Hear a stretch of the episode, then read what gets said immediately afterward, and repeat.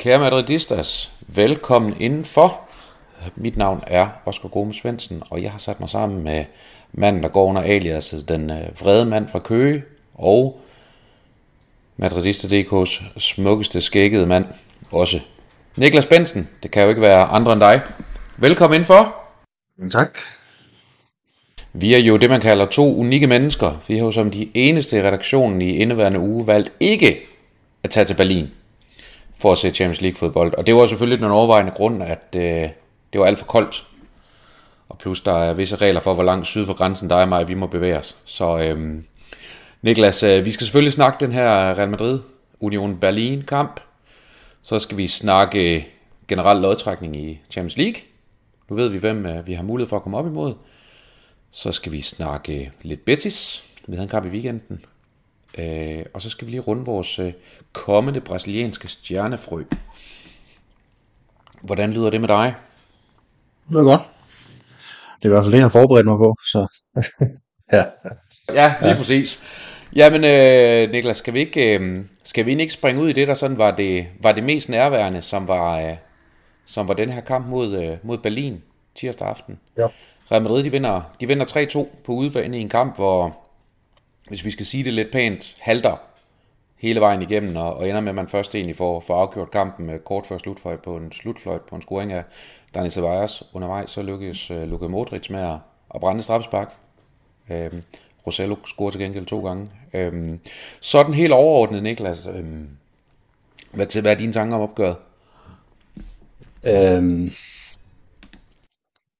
jamen, jeg synes jo, at, at man får vist, at man er et bedre hold end Union Berlin, selvom der er rigtig mange reserver med. Eller ikke reserver, men, men folk, der ikke er en del af idealelveren. eller. Øhm, masser af, jeg kan ikke kalde dem chancer, men masser af afslutninger i hvert fald ikke. Øh, jeg mener, vi har 11 alene i første halvleg, øh, og en boldbesiddelse på 76 procent, og og er så bagud i pausen jo på grund af den her lidt øh, mærkelige fejl, som øh, David Alaba han får, får begået, hvor han nærmest får overbalance og sender, sender Kevin Folland øh, ud i en friløber. Øhm, og så jeg ved ikke, om vi skal kalde det uheldige, men vi er dårlige til at sparke straffespark i hvert fald ikke. Øhm, brænder det igen for tredje gang i år, og jamen, altså, jeg kan man nærmest ikke huske, hvornår vi sidst har skåret på straffespark. Altså var det, var det Karim Benzema, eller var det Raul i sin tid? Jeg ved det ikke helt. Øhm, det er ved at være der omkring i hvert ja, fald. Ja, ja. ja, og så... Men... Så jeg synes jo også, der er jo nogle store chancer, og hvad hedder det, Frederik Rønner, han har nogle gode redninger. Øhm, han har en på Rodrigo på et hovedstød, som er, er rundens redning, og så har han også en på et Jude Bellingham forsøg i første halvleg, hvor at, øh, Lukas Vaskes finder Jude Bellingham i feltet. Øhm, jeg synes da, at Real Madrid er det bedste hold i den her kamp her. Øh, Union Berlin har jo en hel masse at spille for. Real Madrid har ingenting. Altså, de, de, de skulle jo bare vinde kampen her. Øh, men det resultat, der var i den anden kamp, så havde de spillet Europa League, og det kunne man nok også godt se til sidst, at, at, at da den står, står 2-1 den her kamp her til Real Madrid, der begynder at, det er ligesom at knive lidt med koncentration måske, og så, så kræver det, som så ofte øh, et modstandermål, før man ligesom lige hiver op i sig selv igen, og så får, for Dani Ceballos så afgjort den her kamp til sidst. Men, men, men et par af, af reserverne, der får vi så godt frem, altså Roselo med to mål på to hovedstød. Øh, han skal bare have den i hovedet. Han har også et hovedstød fra, fra 11 meters afstand, sådan cirka fra straffesparksplænden, som han hætter på overlæggeren. Øhm, så det er der, han skal have den. Altså, så er der bare mål, ikke? Og så øh, selvfølgelig Dani Ceballos med sit mål også. Ja, og nu kan man sige, nu, øh, som du siger, ikke, altså, gruppen var afgjort, Real Madrid har i hvert fald ikke noget at spille for, hvis man sådan skal sige det lidt, lidt firkantet, og der ligger selvfølgelig, kan man sige, en, en sportslig disposition øh, i, at man vælger at sende, øh, hvad hedder det, øh, i at man vælger at, at starte, kan man sige, ikke med en, den bedste start 11 nødvendigvis, men dog trods alt med relativt mange gode spillere fra start. Skal vi ikke, øh, skal vi ikke sige det sådan? Øh, men alligevel, mm. i et relativt tæt kampprogram, og nu ved jeg godt, nu går jeg med uvenner med, med resten af redaktionen, der var i Berlin for at se fodbold, men, øhm, men at man alligevel vælger at spille med Jude Bellingham, der får 90 minutter, og Rodrigo starter inden Modric får 90 minutter, Valverde starter inden, øh, Alaba starter for den sags skyld også inden, øh, hvor man så undervejs i opgøret vælger at skifte Kroos, Rydiger og Brahim Diaz ind, øh, mens man, eller man, siger man, mens Carlo Ancelotti så vælger at lade Vinicius Tobias, Mario Marin og Gonzalo Garcia Torres sidde på bænken i hele kampen. Øhm, hvad tænker du om, at man ikke i sådan en kamp siger, nu stiller vi med 80% Castilla-spillere simpelthen for at, at give vores, øh, vores startende 11 en, en tiltrængt ro, og så acceptere, jamen så kan det godt være, at vi taber den kamp, ligesom Barcelona reelt til det der, man gør mod Antwerpen dagen efter, men hvor man også, Xavi vælger at stille med et, kan man sige, næsten fuld reservehold i den kamp. Ja, og, og hvis man kigger mod Manchester City, så har man jo endnu flere reserver med, som har nogle meget, meget høje trøjenummer. Øhm, hvilket selvfølgelig betyder, at de normalt ikke får spilletid i Premier League osv. med særlig mange af dem. Øhm, men jo, jeg synes også, altså jeg synes, det er, det er åndssvagt faktisk, at øh, Fede Valverde skal starte ind, og Rodrigo skal starte ind, og Jude Bellingham skal starte ind, og især Jude Bellingham, man får hele kampen. Øhm, så har han så på forhånd lavet den her aftale med, med Valverde, at han får 45, og så får Kroos de sidste 45. Altså jeg, jeg kan faktisk ikke helt forstå, hvorfor at de skal spille den her kamp her. Han vælger også kun at bruge fire indskiftninger. Øh, Angelotti og Nico Paz, han kommer ind efter, ja, jeg sad og holdt godt øje, efter 89 minutter og 40 sekunder for han spilletid, ikke? Altså han kunne lige så godt have startet inden. Øh, Rodrigo får 80 minutter. Øh, og Alaba, som, som, som ofte er skadet, så øh, synes jeg heller ikke skal spille den her kamp her. Så ja, det, det er en stor risiko at, at tage, og det er jo ikke sikkert, at altså det, nu kommer der ikke nogen skade i den her kamp her jo, men, men det er jo ofte belastning over tid, der giver skaderne, ikke? Og man må sige, at de her spillere, de har fået noget belastning, som de måske ikke behøvede i den her kamp her. Ja, og, og jeg synes jo personligt, det er under alt tænkelig kritik faktisk, at man vælger at gøre det her. Øhm, og, og jeg tænker, det er en unødvendig risiko at løbe. Øhm, og, og samtidig må man så også huske, huske på, at Carlo Ancelotti jo er jo nærmest notorisk kendt for at, at smide, øh, smide mulige mesterskaber i, i forsæsonerne. Øhm, og det her det er da ikke noget, der gavner hans sag. Skulle det gå så galt igen, at enten øh, Girona eller Atletico Madrid de ender med at, ender med at løbe med det, jamen så vil vi jo alle sammen kigge på en kamp som den her og sige, men var der nogen grund til, at, at der skulle drives, øh, skulle drives ekstra rovdrift på spillerne med en, med en ligegyldig kamp i Berlin? Ja, fuldstændig. Altså det, det er jo det. det man kan jo, vi kan jo først sige sidst på sæsonen, om det egentlig har, har kostet det her. Øhm, ja, det håber jeg ikke. Altså, jeg, ja, jeg synes jo, det er en gratis kamp for Ancelotti til at se nogle Castilla-spillere af alle. Øhm. Præcis. Jamen, og, og jeg tænker også, altså, nu, øh, jeg sad jo og håbede på, at, at hele resten af, kan man sige, redaktionen fik lov til at se et, et Castilla-hold, eller nærmest dem, der havde spillet Youth League tidligere på eftermiddagen fra start, simpelthen for, for at beskytte for at beskytte truppen. Øhm, for deres vegne er jeg selvfølgelig glad for, at de får de store stjerner at se, men sådan for, for klubbens vegne irriterer det mig faktisk grænseløst. Øhm, en sidste ting, som jeg lige vil, øh, vil runde for den her kamp, øh, inden vi lige skal snakke lodtrækning bagefter, det kan vi lige så godt, når nu vi har gang i det her Champions League øh, segment lige nu. Kepa starter ind i den her kamp. Øh, Lunin har jo spillet de sidste, de sidste kampe. Kepa har jo egentlig været meldt skadesfri, men får så egentlig, kan man sige, får lidt den her kamp, som jo, vi har sagt nogle gange nu, er en gratis omgang. Hvad tænker du om hans præstation? Altså, han har en god redning øh, lige i starten, hvor Modric han, øh, han laver et boldtab, det er vel allerede efter halvandet minut eller sådan noget lignende. Altså sådan noget lignende, ikke? der har han en stor redning.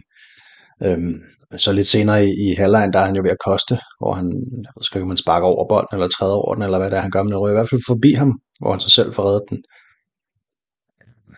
Så, så stærk på stregen, og og ikke så stærk ellers, altså, men det er jo nok, det er jo nok bare sådan, han er. Øhm, Kæber, vi ved jo også, at han er ekstremt svag i feltet. Den til 2-2, tager Lunin den? Altså Courtois gør formentlig. Gør Lunin måske?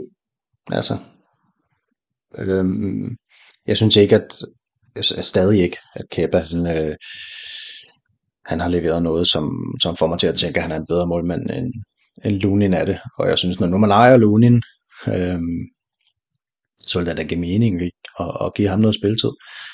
Medmindre man tænker, at han er videre gratis til sommer, og så skal Kepa ind. Jeg ved bare ikke. Kepa som reservemålmand i Real Madrid, altså det er en god idé. Jamen lige præcis, og man kan også stille, stille spørgsmålet, jamen nu møder vi, vi Real i weekenden her på søndag, eller på mandag endda. Nej, det søndag er det selvfølgelig, søndag aften. Øhm, hvem havde du sat i mål, hvis du var Carlo Ancelotti i forhold til den kamp? Jeg synes jo, Lunin er bedre end Kepa, så ham havde jeg øh, startet med. Jeg, jeg, han snakker om, om at uretfærdighed ikke skal eksistere i fodbold. Øh, Ancelotti, der sagde han før pressemødet, eller pres, på pressemødet før øh, Union Berlin-kampen.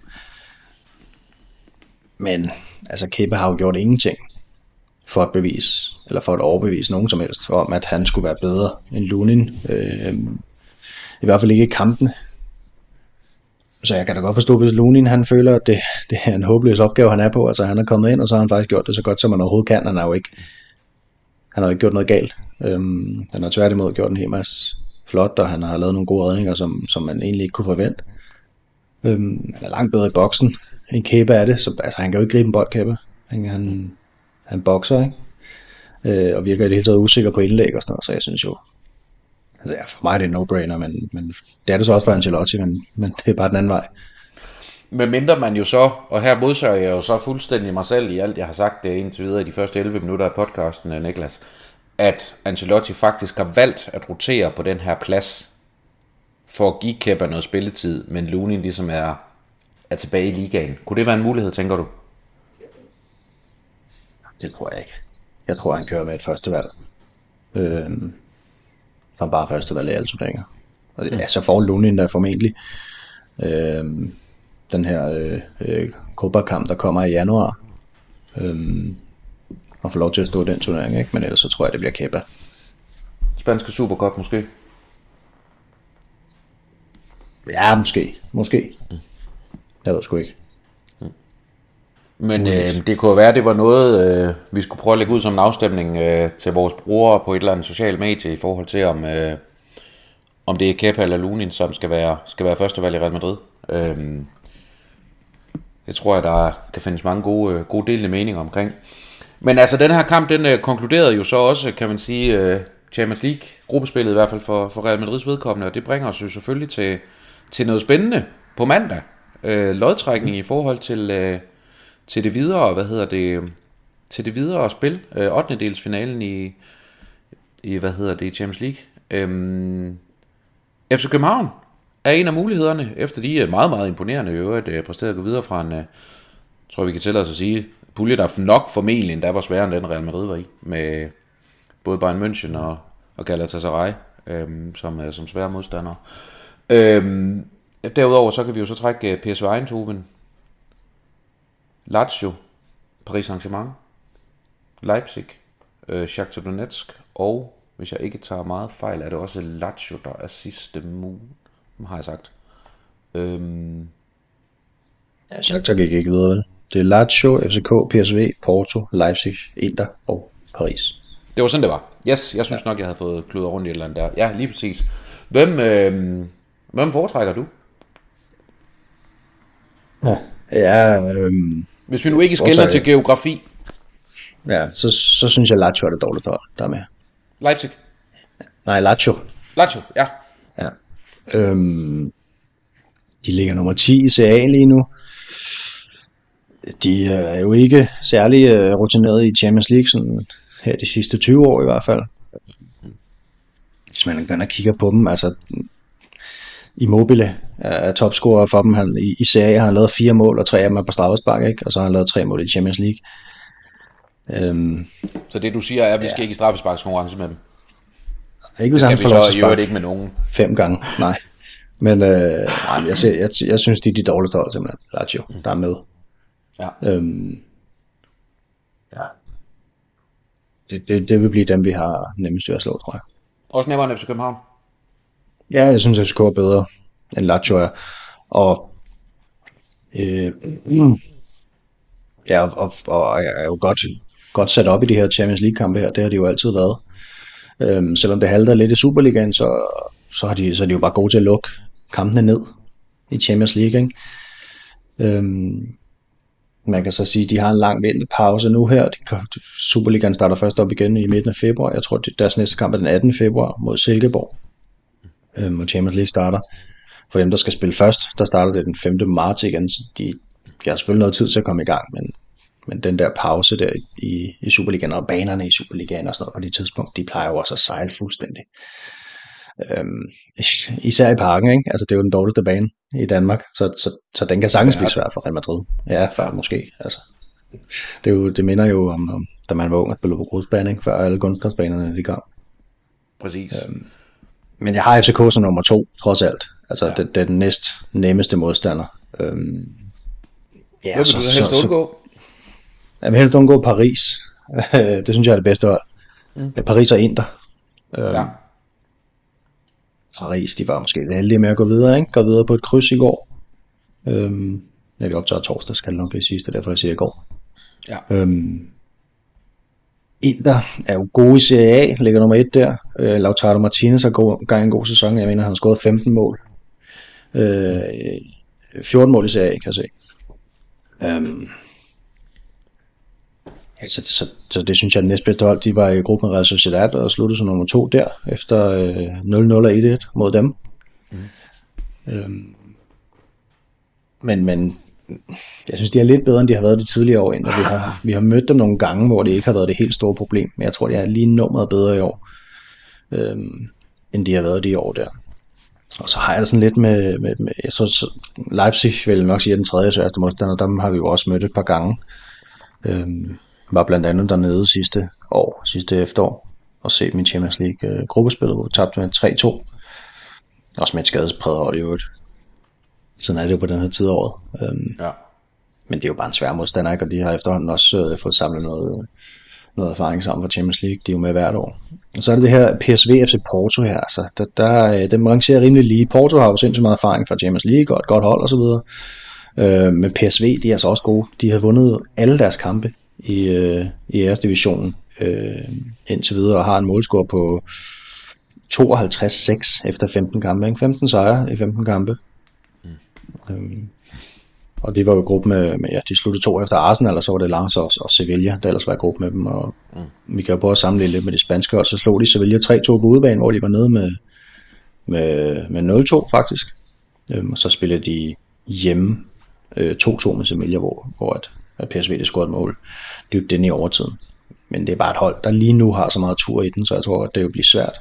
Men omvendt så er der tre måneder, tre og en halv måned, til vi skal spille Champions League igen. Øhm, så der går noget at ske meget på alle de her hold. Altså hvis Lautaro Martinez han bliver skadet for Inter, så er de heller ikke særlig uhyggelige, tænker jeg. Nej. Men må jeg lige hoppe tilbage til din, øh, til, din, til din frygt, kan man sige, din frygtmodstander Paris Saint-Germain. Øh, der trækker så lod her mandag klokken, ja, det starter sikkert klokken 18 og slutter klokken 23 med alle de der forskellige spots, de skal nå at lave, øh, lave undervejs i, i den der lodtrækning. Men øh, men det her Paris-hold, er det mere af navn end af spillere, du, altså af klubbens navn end af spillere, du reelt set er bange for? Nu læser jeg bare lige der startopstilling op på udebane, fra, på udebane i går, øh, som du rigtig nok siger, vi optager torsdag mod Dortmund. Donnarumma på mål. En bagkæde fra venstre mod højre, der hedder Anandes, Skriniar, Marquinhos og Hakimi. En midtbane bestående af Vitinha, Vitinha Zaya Emery og Lee Kang-in, eller Kang-in Lee. Og et angreb bestående af Mbappé, Mbappé øh, Colomouani og så Bacola. Altså, jeg ville godt kunne sætte en combined 11 mellem Real Madrid og Paris. Og nu skal jeg øvrigt lige understrege, at Paris har ikke nogen nævneværdige sådan kæmpe store skader. De har et, et hvad hedder det, dem, Dembélé og Kim, øh, Kim Pembe ud, som måske sådan er de eneste, der ville, ville klemme sig på i en, i en startopstilling. Men jeg kunne godt sætte en combined 11 med, med Real Madrid og det her Paris-hold. Og så vil jeg ikke finde plads til ret mange spillere fra, fra Paris. Særligt den der midtbane, den ser jo, øh, den ser jo tyndere ud end det, end det der anoreksi-offer. Ej, midtbanen er lidt tømning. Jeg synes, de har et godt forsvar, de fire spillere der, du nævner. Øhm, synes jeg er gode, og så synes jeg sådan set også, de har... Altså, når man ser dem, jeg har, jeg har set tre der Champions League kampe i år, og jeg synes jo, det er ret tydeligt, at Mbappé han er flere niveauer over de andre. Mm. Øhm, selvom jeg synes, at Barcola og Colomani er, er, er spændende spillere, så er det bare tydeligt, at det er bare Mbappé, der bare... Altså, det skal fungere for ham, og det er jo selvfølgelig også ham, der er topscorer. Skriniar og Marquinhos i centerforsvaret, det synes jeg, det virker sindssygt stærkt. Øhm, Skriniar kom til for Inter, ikke? og selvom han er stor og en lille smule øh, kluntet at se på en gang imellem, så synes jeg faktisk, at han er sindssygt god på bold, god til at spille den frem. Marquinhos har er måske ikke på toppen lige nu i forhold til, hvad han var for et par år siden, men er stadig en god spiller. Øhm, Hakimi kommer til at få det rigtig svært, hvis han skal stå direkte over for Vinicius. Det har vi set før. Øhm, men er jo stærkt offensivt. Ja, så, og så Donnarumma, det er også sådan lidt... Altså, hvordan står han lige den dag, ikke? Har en god redning over på Marco Reus's afslutning blandt andet. Ja, men det er jo det. Han er jo øh, god, men han, jeg synes, der er også nogle gange, hvor han ikke er så god. Så, Ja. jo, og så kan man sige, altså, som jeg sagde før, Osman Dembélé er ude, som jo selvfølgelig klart normalt vil være, vil være tredje valg i deres, øh, eller den tredje mand i deres øh, offensive trio, kan man sige. Øh, men vi ved også fra, fra kilder i, i Katalonien, at han havde mere travlt med at spille, spille Playstation og spille, spise junk food. Øh, og må ikke han har taget nogle af de vaner med sig til, til Paris. Og så må jeg jo så igen henføre til, at de starter med ham her, Bradley, Bradley Bacola, jeg ved ikke, hvordan man siger det, når det er, når det er en franskmand, som i Ligue 1 har spillet 11 kampe, 6 af dem fra start, og scoret et mål. Det er altså en, ja. Ja. en offensiv spiller, som Paris har startet med i, i øvrigt også, hvis jeg må, hvis jeg må inds, hvad hedder det, tilføje øh, tre Champions League kampe fra start oveni. ja, ja, og jeg så jo den her mod Newcastle, hvor han jo brænder den Ja. ene chance efter den anden. Altså bare dårlig afslutter sådan lige ud fra det. men han kommer frem til dem. I det mindste, ikke? Så, så et eller andet kan han da. Men altså, vi vil jo, vi vil jo vælge Roselu, eller, eller sågar, hvad hedder han, øh, Majoral, over, øh, over Bacola any day. Og han er skarp med Joral, ikke? Han, stadig, han er vel to på topskolisten i La Liga. Ja, der kan du bare se. Eller hvad hed ham, ja. vi sendte videre i sommer, som jeg har glemt navnet på? Ham med den flotte hårpragt. Arno? Mariano, ja. Ja. ja. Ham, jeg, selv ham er bedre end Bacola. Åh, nu er det stor han jo også, når du skal sidde og og se sådan noget der. Lige præcis. Så To gange måske. Ja, men så scorer vi bare flere. Hvad hedder det? øhm, Men, men det er bare for at sige, Paris-holdet er jeg personligt ikke så bange for, som jeg er for eksempelvis Inter, som jeg også synes virker som et, et markant mere velkørende hold. Altså, Paris er jo ikke ligefrem flyvende, øh, sådan generelt, og er meget, meget heldige, som du også rigtig nok siger, med overhovedet at komme videre i deres, øh, fra deres gruppe. De er et enkelt mål fra at ryge helt ud nærmest. Ja. Ikke, både af, ikke, ikke kun af det ene, men også af det andet. Ja, altså det er jo ikke, øh, det er ikke fordi det kører i olie for dem. Øhm, men det er bare nogle spillere, hvor at hvis, hvis Mbappé rammer dagen, så er det svært at, og med det forsvar, vi har, ikke? Altså, jeg godt, nu lukker vi ikke særlig mange mål ind, men, men det er jo ikke fordi, at øh, altså nu Rüdiger og, og Carvajal har gjort det rigtig godt, men hvis Alaba har en dårlig dag over for Mbappé, så, så kan det godt gå galt. Så kan det blive en lang aften. Ja, det vil jeg sige. Øhm, og hvad hedder det? Inter spiller jo øvrigt 0-0 hjemme mod øh, La Real, eller Real Sociedad her i, her i den afgørende mm. kamp. Øhm, en kamp, hvor de i øvrigt starter med, med spillere som øh, Barella og Lautaro Martinez og Bastoni på, ude, øh, hvad hedder det, på bænken, som kommer ind undervejs. Øhm, så det resultat skal man måske ikke lade sig narre alt for meget af. Jeg ved ikke, om de havde troet, at deres halvreserve måske havde kunne, kunne sikre dem sejren, uanset hvad. Nu ender det jo så med, at Real Sociedad meget imponerende slutter, slutter etter i deres pulje. Ja, det er flot. Godt for spansk fodbold, at vi har fire etter, og så er der lige Sevilla, der skulle dumme helt ned på fjerdepladsen. Ja, Øhm, ja de kan ikke engang vinde men, Europa League ja. i år. Nej, desværre. Så. så. Men øhm, der er som sagt lodtrækning på mandag. Det præcise tidspunkt har jeg ikke, men øh, tænd for jeres tv tidligt, og så kan I sikkert se en masse reklamer og kåring og et eller andet ligegyldigt undervejs også. Jeg tror, at ceremonien starter kl. 12, og så er der vel måske en Teams, øh, eller en moderne danseshow. øh, og, så, og så er der øh, ja, det samme, cirka en eller anden italiener, der skal stå og forklare, hvordan lodtrækningen fungerer, selvom vi bare har hørt det tusind gange før. Og så kan vi ellers komme i gang, måske. Yes. Og med hjertet, der håber du, vi trækker FC København, så du kan komme, øh, komme i parken og se også fodbold selvfølgelig. Det vil være fedest, ikke? Øhm, Lige præcis. ja. Nu var vi i Leipzig sidste år, Ein- så der har vi Køre til prøvet. Eindhoven Ja. Nå ja, det kunne også være eller fedt. Leipzig. Ja, det må være ja. de muligheder, der ligesom er. Øhm, sådan inden, i, inden for køreafstand i hvert fald. Øhm, men øh, som sagt, det kender vi, øh, kender vi mandag, og det er jo sådan formatet, øh, som det plejer at være, at øh, Real Madrid er midt i vinderpuljen, så slutter de på hjemmebane. Øh, så man starter ude og slutter hjemme. Så om ikke andet, så kan man altid flyve til vidunderlige Madrid. Men der skal vi ikke hen nu, Niklas. Vi skal derimod Ja. til Sevilla. Vi skal snakke om Real Madrids udkamp mod Betis i weekenden. Det ligger efterhånden så lang tid tilbage, at man nærmest ikke... Man synes, det skete for et par måneder siden, men øh, det må være, fordi det er december oveni.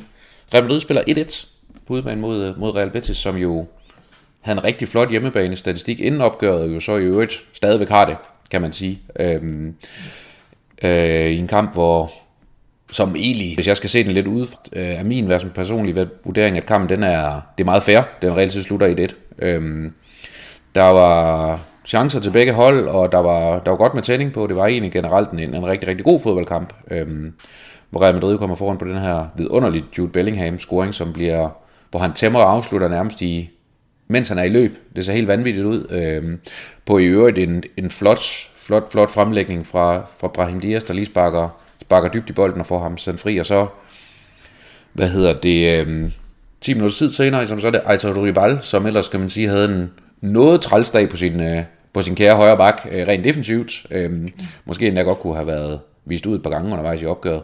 Men øh, som, øh, som til gengæld får, får sendt et, et missil afsted, som, øh, som hverken Courtois eller Lunin på samme tid formentlig havde, havde reddet, hvis de havde haft muligheden. Det er, det er godt hugget ind udefra. Så det ender med den her pointdeling. Øhm, dine tanker omkring den her kamp? Ja, øhm, meget positiv første fjerdedel af kampen, første halvdel og første halvleg, der var Real Madrid rigtig gode. Det kom ikke rigtig til at, sådan at udmønte sig i chancer for alvor eller mål. Øhm, men, men ja, som du siger, i Ball, han øh, har det med svært ikke? over Rodrigo, der bare kører ham rundt på røv og alvor. Altså, øh, og ja, han, han skulle have været udvist. Altså, han skulle have haft mange gule kort i den kamp, han fik kun et enkelt. Øhm, men allerede efter et kvarter, der har Rodrigo fem vundne dueller og fire succesfulde driblinger. Det er, det er mere end, end, end nogen anden havde i kampen. Altså den, der har næstflest driblinger i hele kampen, det er Bellingham med tre, og Rodrigo han slutter på 10 succesfulde driblinger. Det er altså ekstremt mange. Øhm, han lægger også op til et mål lige i start, eller efter et kvarters tid, tror jeg det er, hvor der så er desværre offside. Øh, hvor han ellers også lige får lavet en tunnel på ham inde ja, i feltet. det er rigtigt. Øhm, så efter de der 25-30 minutter eller sådan noget, så, her, så synes jeg, den vipper lidt over til, til Betis, og så er det egentlig en meget lige kamp derfra. Vi har lidt overtag de første øh, 10 minutters tid anden halvleg eller sådan noget lignende, hvor, hvor vi også scorer. Øh, det her mål, du beskrev før. Og ja, så øh, laver du jo bare efter sådan en kamp, ikke, hvor han jo, altså han må næsten være rundt og så laver han så sit livs mål. Og det er jo, øh, ja, der er ikke så meget at sige til det. Det er godt sparket ind. Øhm, ja, så, og så, så kører kampen bare derfra, ikke? Og, og jeg vil sige, nu har jeg faktisk øh, kopieret noget her fra, fra Jespers referat, øh, fordi han siger det bedre, end jeg kan, men, men, men han uddeler kampens badebold til øh, Carlo Ancelotti. Og nu læser jeg lige op, hvad han har skrevet om kampens badebold. Han har skrevet, Ancelotti får retteligt meget ros på den måde, han har ført Real Madrid gennem den seneste periode, går til mange skader. Men hvad regner han med, når han laver de udskiftninger? Ceballos for Modric giver ingen mening, men mens Real Madrid har mere end svært ved at holde fast i bolden, bringer han Roselo ind for Brahim, hvor efter Nacho åbenbart er manden, der skal slå indlæggende for højre bakken, øhm, med en grøn Nico Paz liggende foran sig på højre midt. Og uden Kroos på midten, øh, var det ikke nemmere at bare smide Fernand Garcia ind for Falamandi og lade Vasquez blive inde, hvis det var den vej, man ville gå. Ancelotti får badebolden for disse mystiske dispositioner. Og det er jo underligt, at man vælger også med manden ind, som, altså ja, du så vi det jo her mod, mod Berlin, at han skal have den i, i låget, ikke? så skal det nok blive farligt, at man så tager indlæggene ud af holdet, når man sætter dem, der skal hætte dem ind op på toppen. Altså så begrænser man jo ikke bare Real Madrid, men man gør jo grin med Roselo ved at sætte ham ind på det tidspunkt, hvor han ikke kan gøre noget som helst. Altså, han er et stærkt kort at spille, men han bliver simpelthen nødt til at få noget hjælp. Øhm, så ja, den skal han ikke ros for. Det, det synes jeg var håbløst. Men øh, endnu en god kamp af, af, af Rodrigo, om ikke andet. Så ja, et færre resultat. Jeg synes, oven på, på den første øh, halvdel af første halvleg, der var jeg sådan lidt skuffet, men, men det er fair nok at 1-1 på udebane mod Betis. Det er jo ikke nogen katastrofe. Øhm, øh, ja, det, det betyder jo så, at vi ligger nummer to nu efter Girona, som jo altså i øvrigt har fået ekstremt mange point. De ligger jo ikke nummer et, fordi at Real Madrid ikke er stabile. Vi har fået masser af point. Men de der 41 point, Girona har, det er jo ret ekstremt. Altså, vi sad og kiggede på, på vores egen 11-12 sæson, den sæson, hvor vi scorer 121 mål og vinder ligaen med 100 point.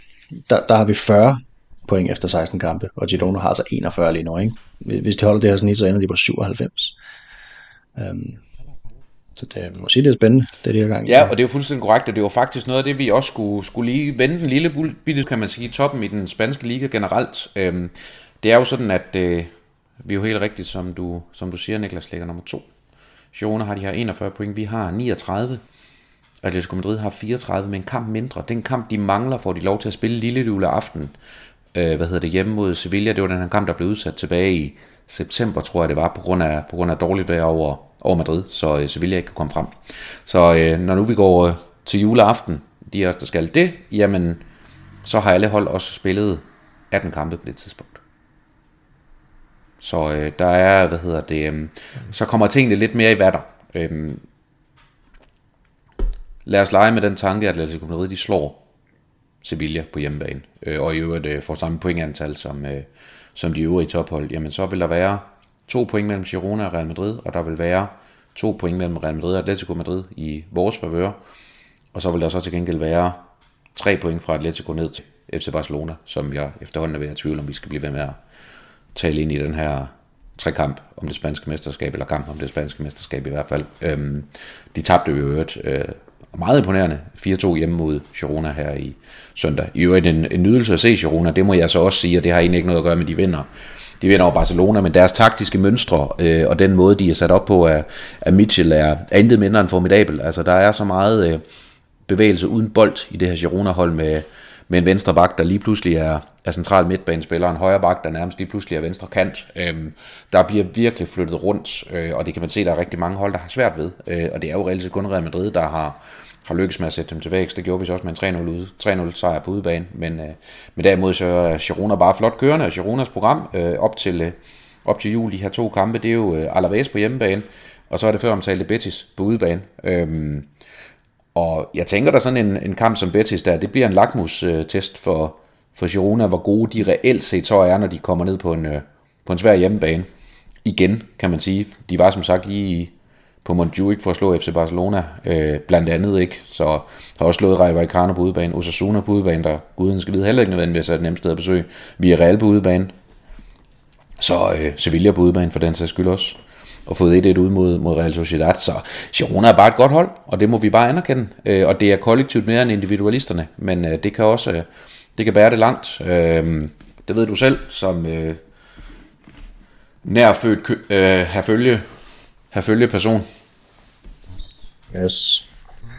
Ja, ja, det er tæt ind på livet. Øhm, ja, ja det, og, og den der kamp hvor man Joyce, de gør jo alle de ting, som man vil ønske, at Real Madrid gjorde. De spiller som om de tror på det. De spiller med en masse mod, og selvom at, at, at de, de har et resultat til sidst, øh, det der 3-2 resultat, de har til sidst, så går de ikke ned og står. Altså, så jagter de den der 4-2-scoring, som de også får, ikke? Øh, så det var en sindssygt flot kamp af dem, og de, jeg synes, de var bedre end Barcelona. Nu har de jo så, som du nævner, Betis ude her, lige en jul. Øh, og så lige efter nytår, den tredje, der, der har de altså Atletico Madrid, godt nok hjemme. Men de der to kampe der, så hvis de kan komme ud af dem med, med et eller andet, så, så ser det godt ud, ikke? Øhm, og så her i foråret, der har de jo så både, både Real Madrid og Atletico Madrid, det, det er begge to udekampe, som også kan blive meget, meget svære for dem. Men de har jo været sindssygt stabile, Girona, og de har gjort det på en god måde.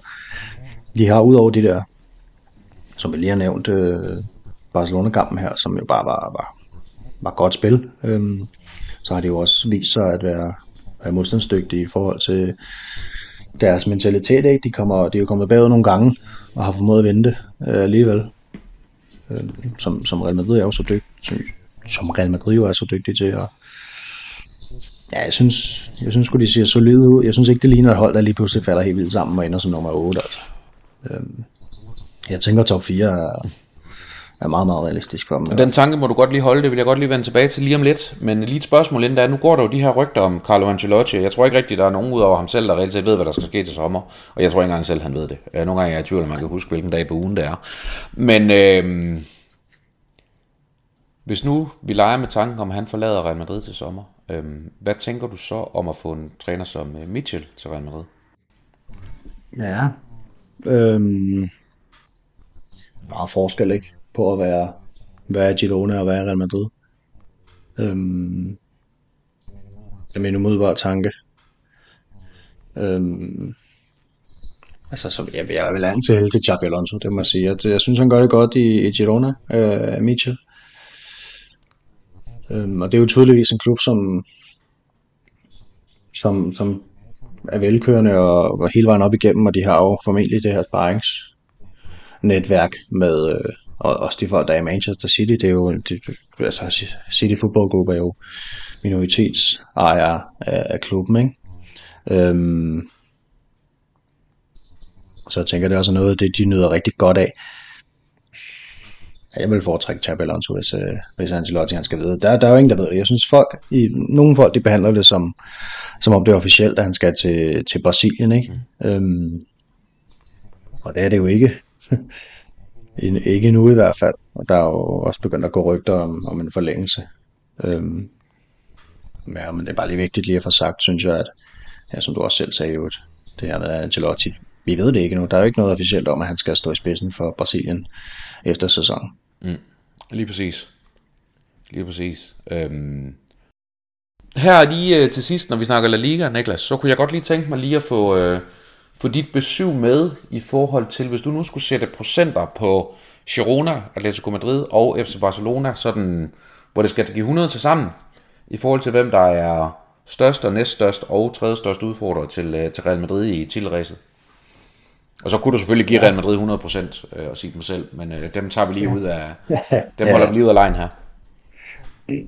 Okay, så 100% mellem med alle ja. de andre hold i, i ja, bare de tre, de tre andre. Det behøver ikke være alle.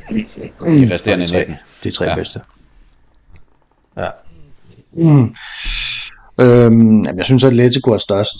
Ikke også? Så hvis vi giver dem hvis vi giver dem 60 60, nej 50 skal vi Atletico. Mm. Det er også, nu skal vi også til hovedregning og alt muligt samtidig. Ikke? Øhm, og så Girona lige nu, der er de altså, hvad er det, de syv point foran Barcelona. Mm. Ja. Og bedre indbyrdes. Ja, det er jo ret vildt. I virkeligheden. Øhm, fordi jeg har jo lidt gået ud fra, at Girona, de, de kommer bare til at slå nummer 4 på et eller andet tidspunkt, så det bliver hverdag, men det bliver, det bliver ikke dårligt, men det bliver ikke så stabilt, som det er nu, og det tænker jeg heller ikke, det gør. Men spørgsmålet er, om Barcelona, de får, sådan, de får hanket op i sig selv, ikke? Skal vi ikke give den lige nu? 30 til Girona og 20 okay. til Barcelona. Hvor langt skal Girona hen i sæsonen, før du begynder sådan for alvor at tale dem op på siden af Atletico eksempelvis? ja, vi behøver ikke komme så langt hen. Hvis de vender over Betis ud af Atletico, så, øh, så er det, så er det dem, du er mest bekymret for? Altså, det er jo... Det er nok stadig Atletico, men, men Atletico har også et gode ud i år, synes jeg. Har været forholdsvis stabile, så hvis de kan slå dem... Altså, nu, jeg havde ikke... før Barcelona-kampen havde jeg sådan set ikke regnet med, at de ville slå Barcelona. Øhm, så, så der har de da fået den nyk op der, Girona, ikke? men, men ja, efter, hvad skal vi sige, fire, hvis de får en, et kryds i Sevilla, skal vi ikke gå ud fra det? Og et kryds i Atletico, så, øh, så synes jeg, det er flot. Det må sige. Så får de et lille nyk op igen. Det er to svære kampe. Ja. Jamen, øh, så lad os lige runde øh, kampen på søndag. Vi har allerede været en lille smule inde på den. Øh, Real Madrid tager hjemme imod øh, Villarreal fra forstad, en forstad til Valencia, som de fleste af jer nok ved. Øhm, inden da, der skal Villarreal lige spille en udkamp mod Rennes i Europa League, må det være. Øh, en turnering, hvor de er sikre på at gå videre til, til den her, som minimum playoff, men øh, slår de rinde, så slår de faktisk øh, som etter i deres pulje. Øh, et hold, som Villarreal, altså vi vil godt kan sige, har været en lille smule svingende i La Liga øh, trods alt uden at, uden at sige for meget. Øh, ligger pt. nummer 13. Og i øvrigt, øh, den placering er ret meget holdt op af, af dansk-svenskeren øh, Philip Jørgensen, der står, der står på mål øh, for dem. Mm. Denne her kamp mod, mod Villarreal, hvad vil du særligt lægge mærke til der? Jamen, jeg må sige, det, det er en kamp, hvor at jeg synes jo, at Real har været på et niveau i år, hvor Real Madrid de bare skal vinde. Nemt. Altså en nem sejr. Øhm, på et par mål. Forholdsvis hurtigt afgjort. Øhm, så det er sådan set min forventning lige nu. Så simpelt kan det nærmest siges, eller hvad? ja, det synes jeg faktisk, fordi i hjemmekamp mod et hold, hvor det bare slet ikke kører, og som har solgt sin bedste spillere, og som har fyret træneren, og jeg ved ikke hvad, ikke? Altså, de, de, de er jo dårlige i år ved Real i forhold til tidligere år, vil jeg sige. De, der skal jo ske noget før, de skal spille europæisk næste år. De skal jo nærmest vinde Europa ja. League, øh, vil jeg sige. Og ja, vi havde dem alle sammen, tror jeg, næsten som en af, sko- en af dem, der måtte forventes at skuffe i år. Øhm, det ved jeg så ikke engang, de har gjort, altså, eller om det bare var efter forventningerne i forhold til, til måden, de har handlet på. Øhm, men jeg synes ikke, det, det er ikke det der, vi er realhold, som vi har haft det så svært med, som spiller sindssygt hurtigt fodbold, der er meget intensivt og sådan noget der. Altså,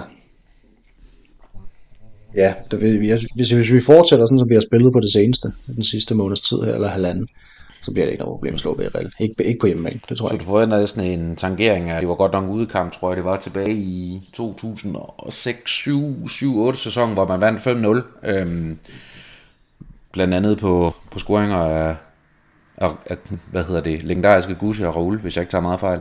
Og i øvrigt også med mindst lige så legendariske Jon Dahl Thomasson fra start. Ikke for Real Madrid i øvrigt. Nej. Øhm, nej, jeg tænker ikke, altså, men, men sådan en, en, en, en nem sejr kan også være en 2-0 sejr. Altså hvis du fører 2-0 efter en time og bare begynder at, at drosle ned derfra, så det er jo også fint. Og, og det er nok mere sådan noget, jeg tænker. 2-0, 3-1 det omkring, ja. Også fordi det er en lang sæson, og mit indtryk er også, at man, man meget gerne vil have afgjort kampene forholdsvis hurtigt, så man kan komme ned og bruge nogle færre kræfter. Fordi lige nu har man jo ikke spillerne til at skifte voldsomt ud. Øhm, og Ancelotti har ikke, øh, han stoler jo ikke rigtigt på de her Castilla-spillere, det er jo ret tydeligt også. Øhm, de kommer ikke til at få spillet, så Nico Paz kan måske, men ellers ikke. Øhm, så, så det er måden, man ligesom spare folk på, det er ved at, ved at stå dybt og ved at slappe lidt af. Og Lige præcis. Kamp, ikke? Hvor meget tror du, det betyder, at Real Madrid har haft to, kamp, to dages ekstra pause? Øh, de spillede tirsdag aften, øh, vi Real skal som sagt først spille torsdag. Ja, og, og, og Real Madrids kamp var uden betydning, og der var jo trods alt en del, der ikke, der ikke kom i kamp, ikke? Så, eller fik meget let spiltid i hvert fald, så det, det tænker jeg, der har noget betydning. Øh, især for Real Madrid måske, der også meget snart skal, skal spille en masse ekstra kampe. Altså Champions League kommer godt nok til, til marts, så vidt jeg husker, men, men øhm, ja, der kommer pokalturneringer, der kommer Supercup og så videre i januar. Øhm, så, så, så ja, jo mere jo bedre. Altså, det vil jeg sige, at vi er alle, de, de skulle jo meget gerne noget at vinde i aften, og vi formentlig hvis man skal vælge, altså de, det er jo ikke fordi, jeg tænker ikke, de er nedrykningsfar ved Real. Og jeg tænker sådan set heller ikke rigtigt, at de har mulighed for at spille europæisk. Altså vi er snart gået halvdelen af sæsonen igennem.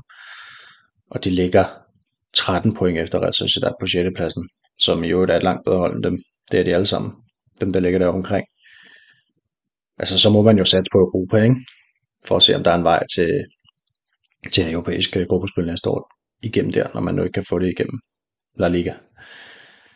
Øhm, så selvfølgelig, i det tætte program, der er lige nu, så er alle dage, hvor man ikke skal spille kamp, det, øh, det er fornuftigt, de skal bruge det godt.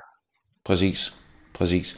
Jamen, øh, og ellers så Real Madrid efter den her kamp, så har de kun én kamp tilbage i julepausen, som er Alaves på udebane øh, torsdag i næste uge, præcis en uge fra i dag, hvor man så starter øh, det nye år med en hjemmekamp mod Mallorca, en udkamp mod Arandina fra Segunda B4, eller sådan noget hed det vist i gamle dage, den fjerde bedste spanske række i hvert fald, øh, inden man så skal møde Atletico Madrid i Saudi-Arabien til den spanske Supercup. Men øh, Niklas, øh, Real Madrid skal jo så videre til den her spanske Supercup til januar også, og møde øh, Atletico Madrid i Saudi-Arabien, inden det går for sig med både La Liga og Champions League. Men det kommer vi selvfølgelig til at snakke en, en hel masse mere om. Øhm, det jeg tænker, vi lige skal tage her afrundingsvis, det er jo et, øh, en af de ting, vi allerbedst kan lide overhovedet. Lytterspørgsmål. i en øh, kommentar på Facebook, Facebook hedder det, øh, Juan Cuello, øh, meget spansk navn i øvrigt, har spurgt, kan I i næste podcast ikke sætte lidt fokus på vores nye stjernefrø, og her tales om Endrik. Knægten ligger del 6 på topscorelisten, udtaget til landsholdet og har vundet mesterskabet.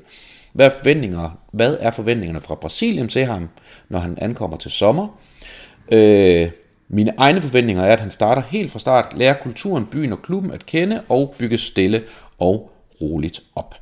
Og så var der faktisk et tillægsspørgsmål undervejs i det her. Det var, at øh, vi blev spurgt lidt til, om vi ville øh, prøve at tage fat i nogle af, hvad hedder det, de kilder, vi har i mm. Brasilien, som måske kunne hjælpe med at komme en karakteristik. Og der har jeg lige været lidt i arkivet, og fundet en artikel, vi lavede med Peter Arnholdt fra Brasserbold. Peter Arnholdt, som jo er en af de her danskboende brasilianere, vi har brugt en del gange, som, øh, hvad hedder det, øh, som giver den her, denne her karakteristik om en drik, som jeg tænker, vi egentlig net måske lige så godt kan, kan sakse lidt fra, det har i hvert fald tilladt mig at gøre. Øhm, I Brasilien, det er jo tilbage i 2020, bliver den kaldt for det nye fænomen, øh, og fænomen i Brasilien, det rimer jo på den, øh, den rigtige Ronaldo.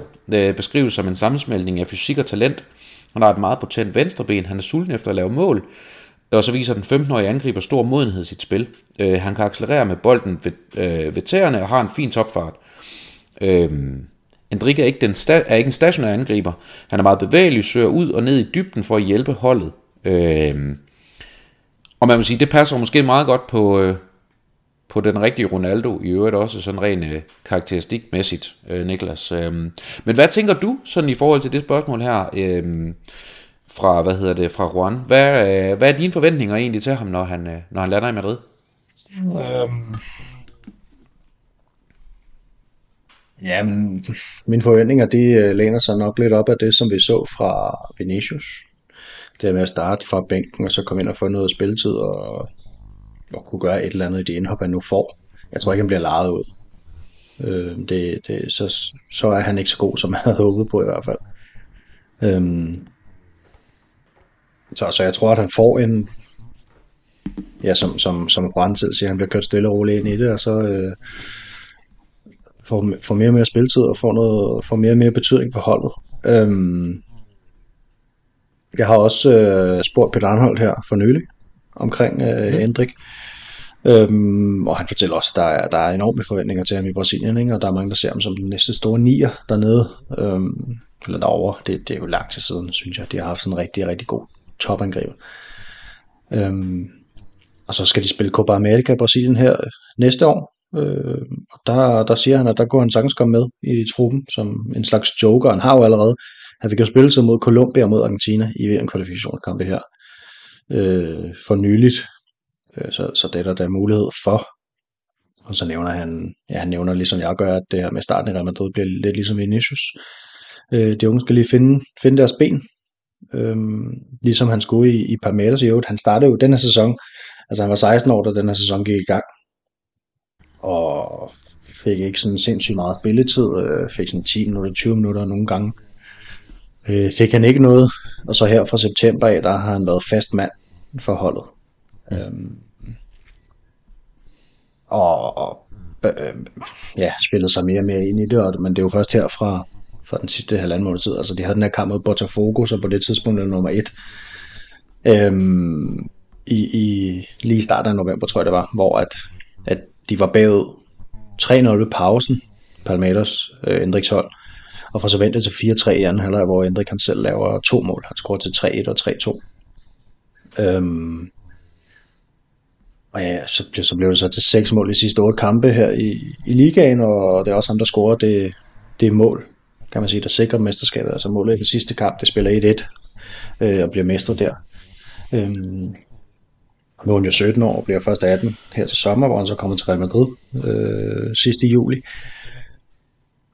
Men det er jo en spil, altså jeg har set nogle af kampene dernede, og det er jo en enormt øh, kraftfuld spiller, ikke? Altså han er, han er jo tæt bygget, han er fandme muskuløs. Øhm, kæmpe store lår, han er jo bygget som Roberto Carlos nærmest, ikke? Øh, eller Hulk derovre fra. Sparker hårdt og sparker godt og er meget afgørende i sine øh, aktioner. Og som Peter Arnholdt fortæller, går meget ned i banen, kan både ligge som jeg ser det, kan både ligge helt på toppen og kan ligge til højre. Det skal vi finde ud af. Han er jo venstrebenet. Øhm, det kan jo, kan jo ofte være en god idé at få sådan en spiller ud. ud på højre side, men det giver jo også meget, meget store muligheder for at, at rotere i løbet af kampene. Altså hvis man, der, det, det behøver ikke være så fast, hvem der spiller i midten og til venstre og til højre, tænker jeg med ham og, og Vinicius og Rodrigo, hvis det bliver dem. Altså de kan godt ligge og skifte lidt, øh, som de sådan set har lyst i løbet af kampene, og hvis der er en, der har det svært over for den der venstre bakke, så der, kan der lige komme en anden over prøve og så videre. Det er jo svært at omstille sig som forsvarsspiller konstant i sådan en kamp der. Mm. Øhm, ja, så er der også det her med, øh, i forhold til starten, at han jo går hos en fodboldsprog underviser faktisk, som, som specifikt øh, underviser jeg i, selvfølgelig både i, i normalt sprog, men også i det sprog, man, man bruger på banen. Øhm, og han går til spansk, og han går også til engelsk. Øhm, og med i den her undervisning, der er der også noget, noget kulturel læring, altså hvordan er kulturen i Spanien i forhold til Brasilien. Han får jo også nogle gode øh, samarbejdspartnere der i, i Militao og i, i Vinicius og Rodrigo, som har prøvet det for nyligt og ved, hvordan det er at komme som teenager. Altså det er jo nøjagtigt den samme situation, Rodrigo og Vinicius stod i. Øhm, her med at blive købt og så spille i deres klub i et stykke tid, fordi man bliver købt så ung, og man må ikke komme til Europa før man er 18 år, og så komme ind, og, lige, og, og, og så har der faktisk noget at bygge sig nogle ret store forventninger op til en spiller, som mange faktisk ikke engang har set spille en hel kamp endnu. Ikke? Øhm, så det, det er jo vanskeligt at navigere i, men, men det virker som om, at han har hovedet skruet godt på, Hendrik. Jeg, har, jeg tror sagtens, at han kan komme ind og få, og få nogle afgørende indhop i sin første sæson øh, i Real Madrid. Jeg forventer ikke, at han decideret bedre sig fast i startopstillingen lige fra starten af, men det skal nok komme. Men hvad, hvad er din tanke sådan i forhold til, fordi nu siger du det måske selv, men vi kan jo stå i en situation til sommer, hvor vi står ligesom nu, hvor truppen reelt mangler en angriber. Vi har tre spillere til de offensive pladser, det er inklusive en leje, en legespiller i form af, af Rosello. Øhm, han kan vel lige pludselig risikere at komme til at stå i en situation, hvor han faktisk øh, bliver tvunget til at være, være starter tidligere, end man måske havde ønsket sig fra klubbens side. Ja, måske, men, men omvendt, så kan man jo bare blive ved, som man gør nu med to angriber, og så behøver, behøver han jo ikke. Øhm, og så, så, så går jeg også ud fra... Men jeg mener, vi er, vi er hurtigt sårbare i forhold til skader eksempelvis. Altså, ja, ja. Som ja. er nu eksempelvis med, med Vinicius ude, ikke? Altså lige nu har vi to angriber på en god dag.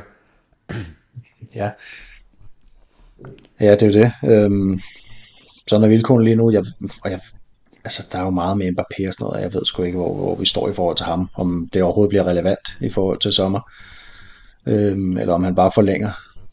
Altså, det, jeg ved ikke, om det overhovedet kunne blive en anden end ham. Der, der bliver jo stort set ikke nævnt andre, synes jeg, end ham. Og, og ellers så bliver det ingenting. Øh, jeg håber ikke, at Hendrik han som 18-årig skal stå med, med Real Madrid på skuldrene i hvert fald. Det vil godt nok være hårdt.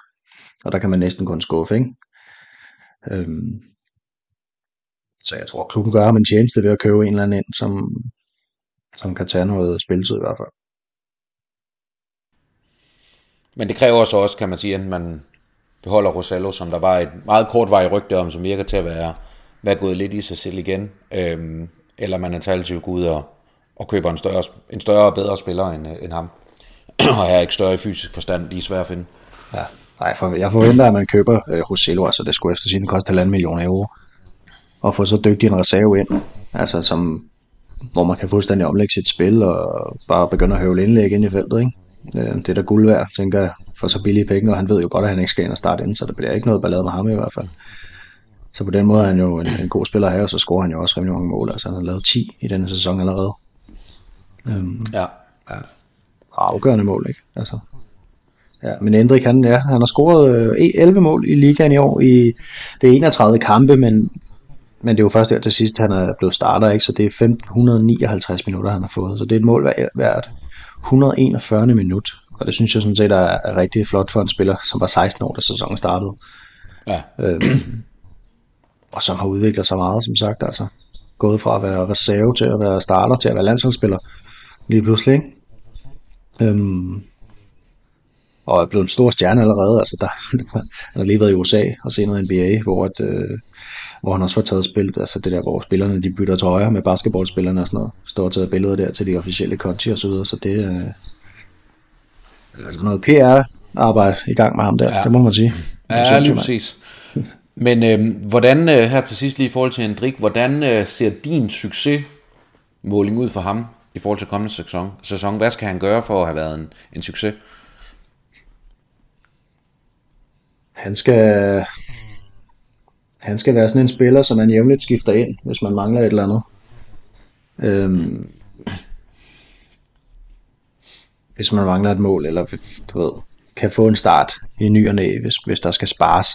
Jeg forventer ikke, at han går ind og skal starte inden. Altså, så kan det være, at han kommer ind, og så kan det også godt være, at han scorer et par mål eller fem.